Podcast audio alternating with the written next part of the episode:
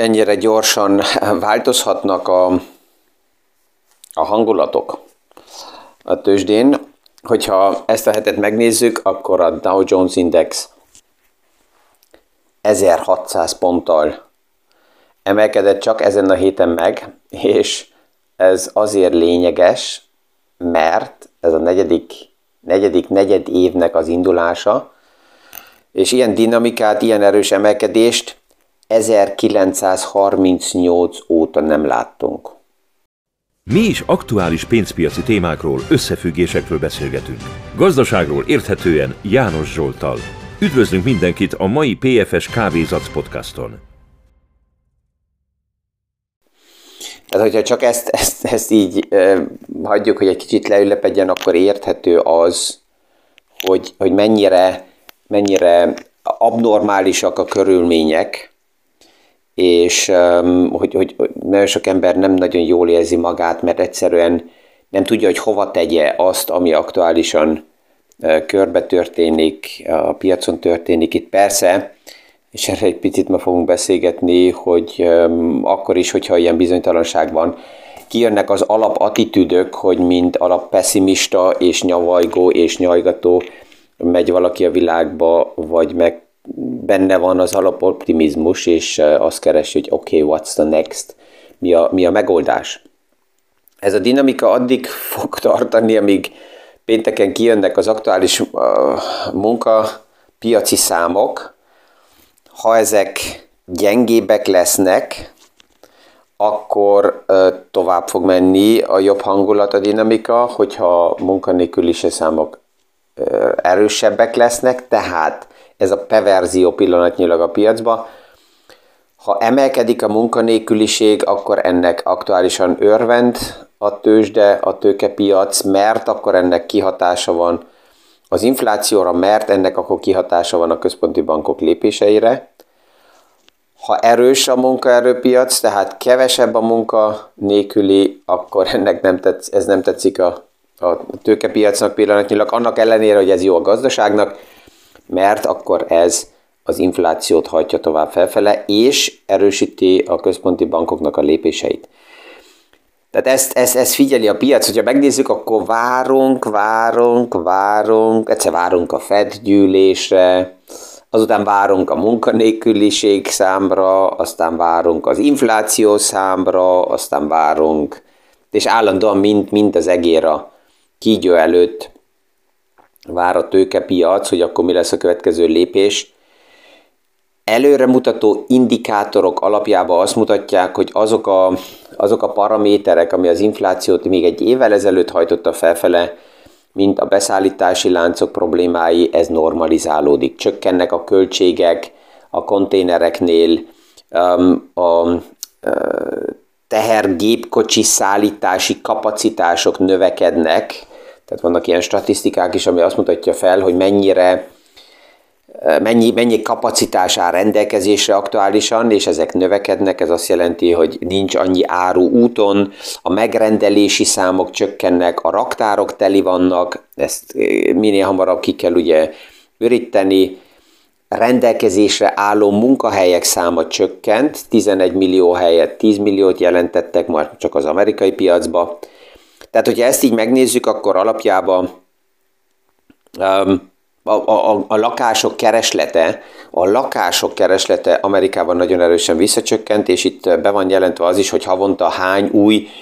um,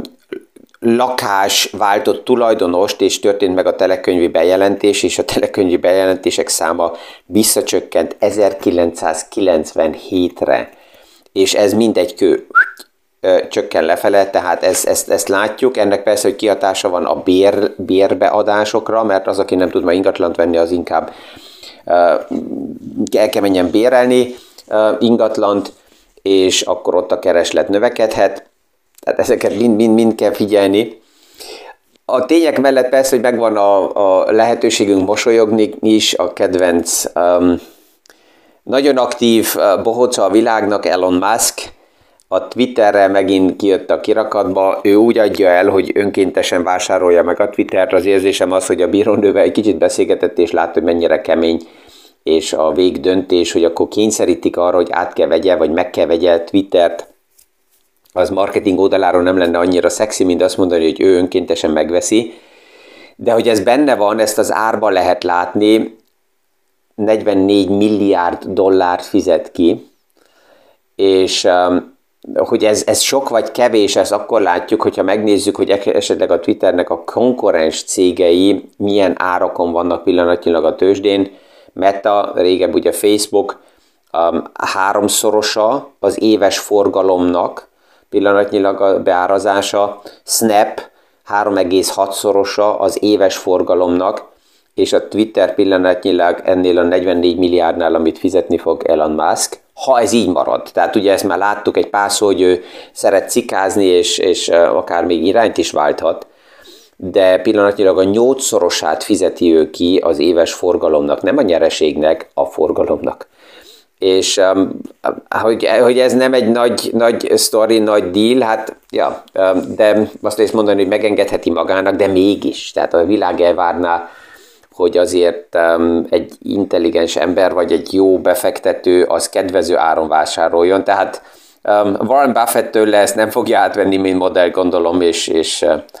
uh, nem fogja követni. A háttérben vannak azok, akik ezen a dílen akár nagyon keresnek is. Tehát azon, hogy Elon Musk magát ilyen helyzetbe hozta, azon egy Ika Khan például keres körülbelül 250 millió dollár nyereséget, hogyha ez tényleg így történik meg, mert a Twitter-től felvásárolta a háttérbe 500 millióval, és most 250 plusszal száll ki, D. Shaw vagy Dan Lobb, eh, tehát ezek mind olyan hedge fund menedzserek, akik ebbe a témába itt a háttérbe persze, hogy spekuláltak, akik küzdenek ezzel a döntéssel, az inkább a banki oldal, Morgan Stanley eh, és egy banki konszorcium az 12 milliárdot kell finanszírozzon a projektből, és na ja, a bankoknak egy évvel ezelőtt még ez egyszerűen ment volna, akár egy ilyen uh,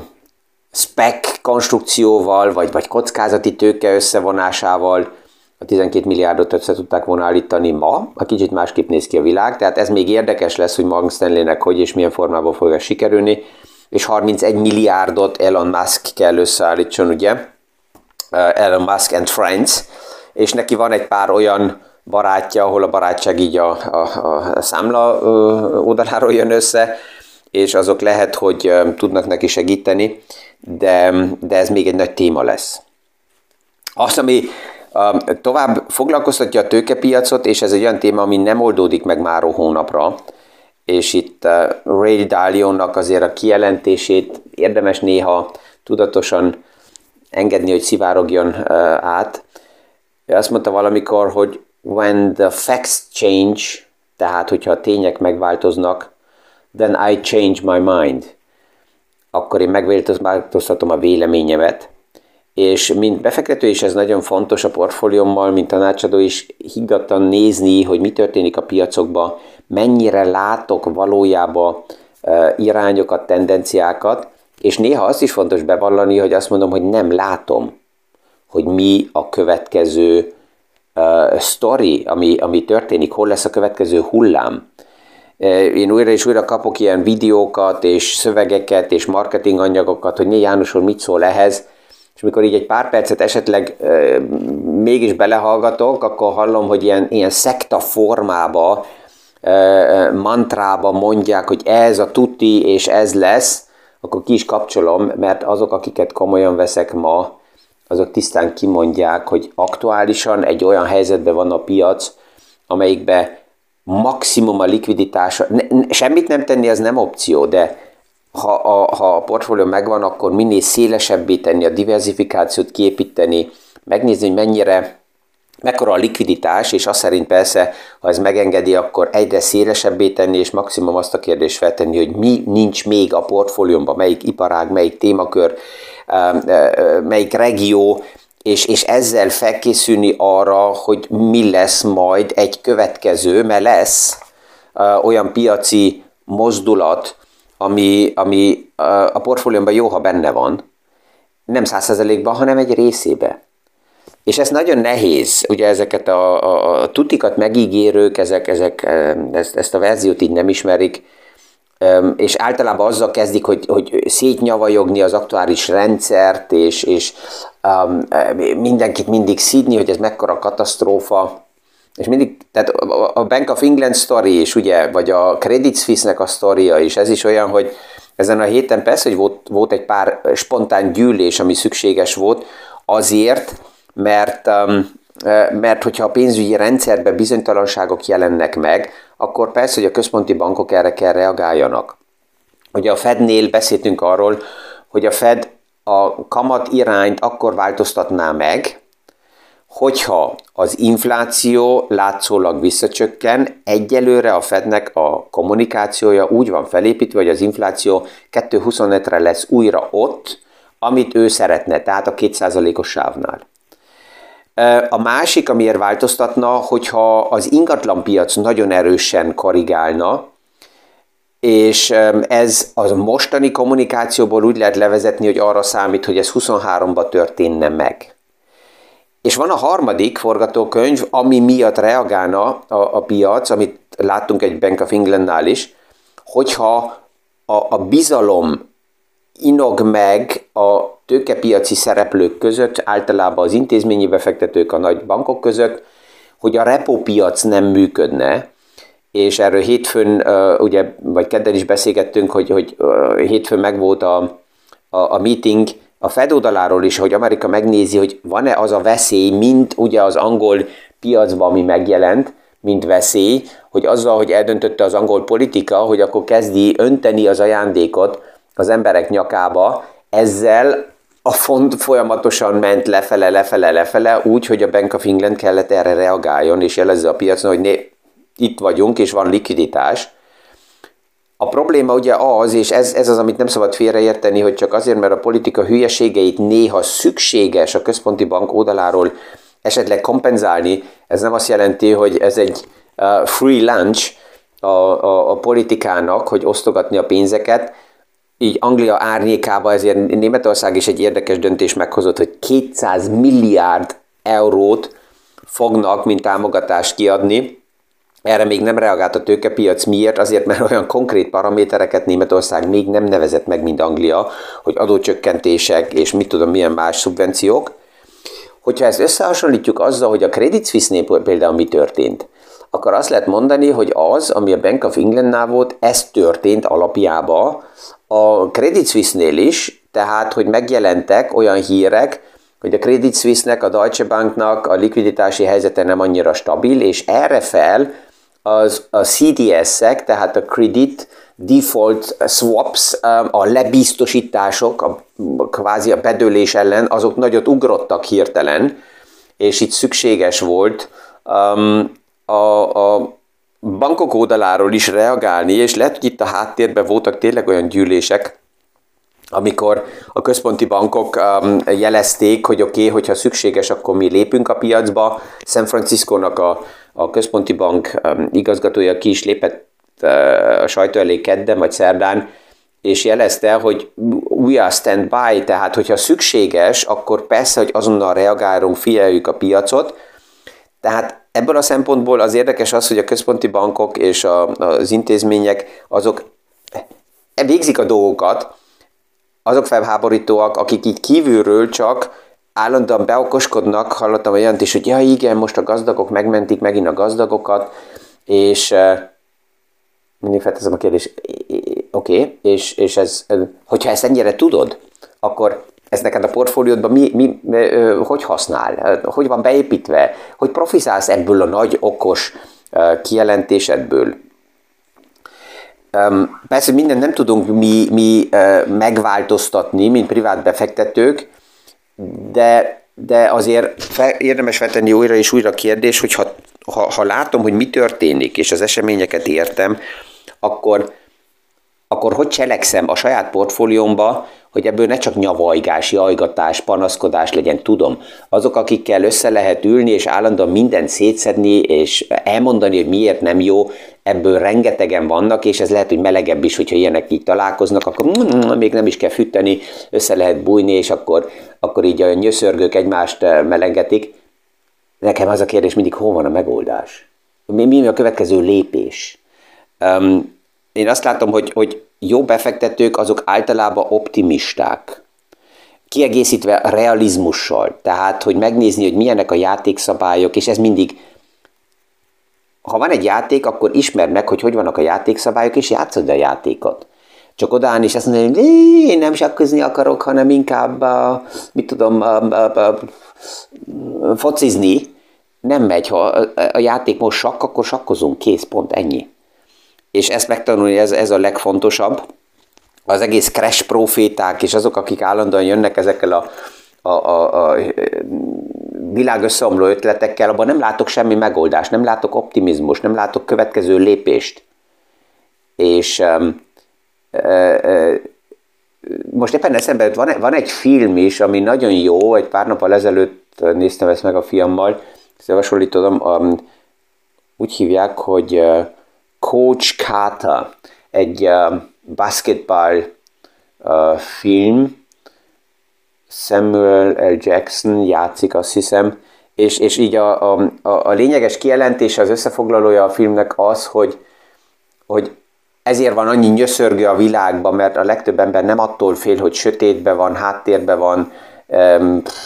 hanem, hanem attól, hogy az eredménnyel, a, a lépéseivel, a tettével, a felelősséggel ki kell lépni a spotba, ki kell lépni a színpadra. Mert persze, hogyha van egy konkrét ötlet, hogy akkor most mit csinálunk és hogy megyünk tovább, akkor uh, támadhatóak is vagyunk, akkor lehet, hogy ez nem működik, lehet, hogy kipróbáltuk, oké, okay, nem működött, mit változtatunk, hogy megyünk tovább, kész, ennyi. Ja? Uh, csak állandóan ott háttérből, a sarokból okoskodni, hogy ez nem passzol, az nem passzol ezeket nem tudom komolyan venni. Um, de menjünk vissza ahhoz, és csak ez egy ötlet, hallám ez még belefér az időbe, hogy az inflációt, ha nem akarom felfele hajtani, akkor például a, a 200 milliárdot, amit most Németország elhatároz, az, az, az hogy, hogy, hogy adjam a piacnak, hogy ez ne inflációt hajtson felfele. Az egyik az lenne a, a fontos, hogy, hogy a vállalkozó ötletet, az innovációkat, a tőkét, ezt ezt támogassam, hogy ebből jöjjön a, a, a, a haszongyártás. Tehát ne ajándékot adjak az embereknek, amivel azt hiszik, és az az érzésük, hogy akkor adtam nekik vásárlóerőt, és otthon azt mondják, hogy Nyű, anyu, milyen jó, ez a politikus beadott nekünk ajándékpénzt. Nem, hanem meg, olyan modelleket uh, támogatni, ami többletértéket hoz, ami hasznot hoz. És um, a hasznoshoz is van egy ötlet, amit cikáznak a gondolataimban nagyon. A fiammal éppen beszélgettünk, és vetette a kérdést, hogy, hogy akkor kvázi mibe, mibe segíthet nekem, mibe dolgozhat, mert, mert szeretne pénzt keresni. És mondta így egy mellékmondatban, hogy de bármit megcsinál. És mondtam neki, hogy Leon, nem, nem, üljünk le ne szokjál ahhoz hozzá, hogy te bármit megcsinálsz ahhoz, hogy valaki neked pénzt dobjon oda. Nem, neked az értéket nagyobb. Nézd meg, hogy az, aki, akivel együttműködhetsz, valamit csinál, mit tesz, és milyen többlet értéket tudsz neki te adni, azért, hogy azután ő szívesen megvegye a te kompetenciádat, a te idődet, és ne csak bármiért adjon neked pénzt, nem, a, hanem hasznot gyártsál, mert akkor te tudod megszabni azt akár, hogy ennek mekkora az ára. És vicces volt, mert így gondolkozott, és azt mondta, hogy ha megnézem, hogy te mit csinálsz, akkor um, időt tudnál tőlem te megvenni. Mondtam, há, időt? Azt mondta, hogy hát neked vannak a podcastok, a, a videók, az egész kommunikáció ugye a, online a, az ügyfelekkel. Én, én, én a social media témákat tudnám neked csinálni, és, és um, az egész interakciót a technikával, és akkor rám nézett, és mosolygott, és azt mondta, hogy abban lehet, hogy jobb vagyok. És tehát, hogyha visszatérek a, a, az ötlethez, hogy ajándékpénzt, ha már, ha már azt mondjuk, hogy oké, okay, akarunk adni, akkor nem kiajándékozni, hanem megnézni a célcsoportokat és a feladatokat, hogy mivel lehet hasznot gyártani, mivel lehet eredményt létrehozni, de látom, hogy az idő ki is fut már. Um, én az az érzésem, hogy ezt hónap azért tovább még egyszer folytatni fogom, hogy uh, mi lehet így az ötlet, hogy ha már támogatás, akkor ez célpontosan, és nem, nem ajándékozni, milliómosoknak nem kell ajándék. Az érdekes ez még a végén, hogy a nagy tőke az inflációt nem akarja. Annak ellenére, hogy a nagy tőke az inflációból profitál, mert a portfólió tárgyértékekben van, nem pénzértékekben, és ezek profitálnak az inflációtól. A kis tőke az, amelyik szenved az infláció mellett, és mégis a pénzgyártást akarják. Nonsens. Ez csak azért történik, mert nem értik az összefüggéseket. Hm. Lehet, hogy megvan a válasz is arra, hogy egyáltalán szükséges egy ilyen podcast tovább. Igen, hogy minél többen megértsék az összefüggéseket, mert akkor lehet, hogy nem az eddigi reflexek szerint döntenek, hanem egy kicsit elkezdnek gondolkozni. Also, ezzel ma is, mint mindig, lezárom a mai podcastot, kellemes napot kívánok mindenkinek, és hónap folytatjuk ezt az ötletet így a, az infláció témák körül, mert itt még van egy pár gondolat, amit így gondolom, hogy, vagy remélem, hogy a világ akarja hallani. Ájza, kellemes napot, és visszahallásra a hónap reggeli PFS Kávézat podcastig.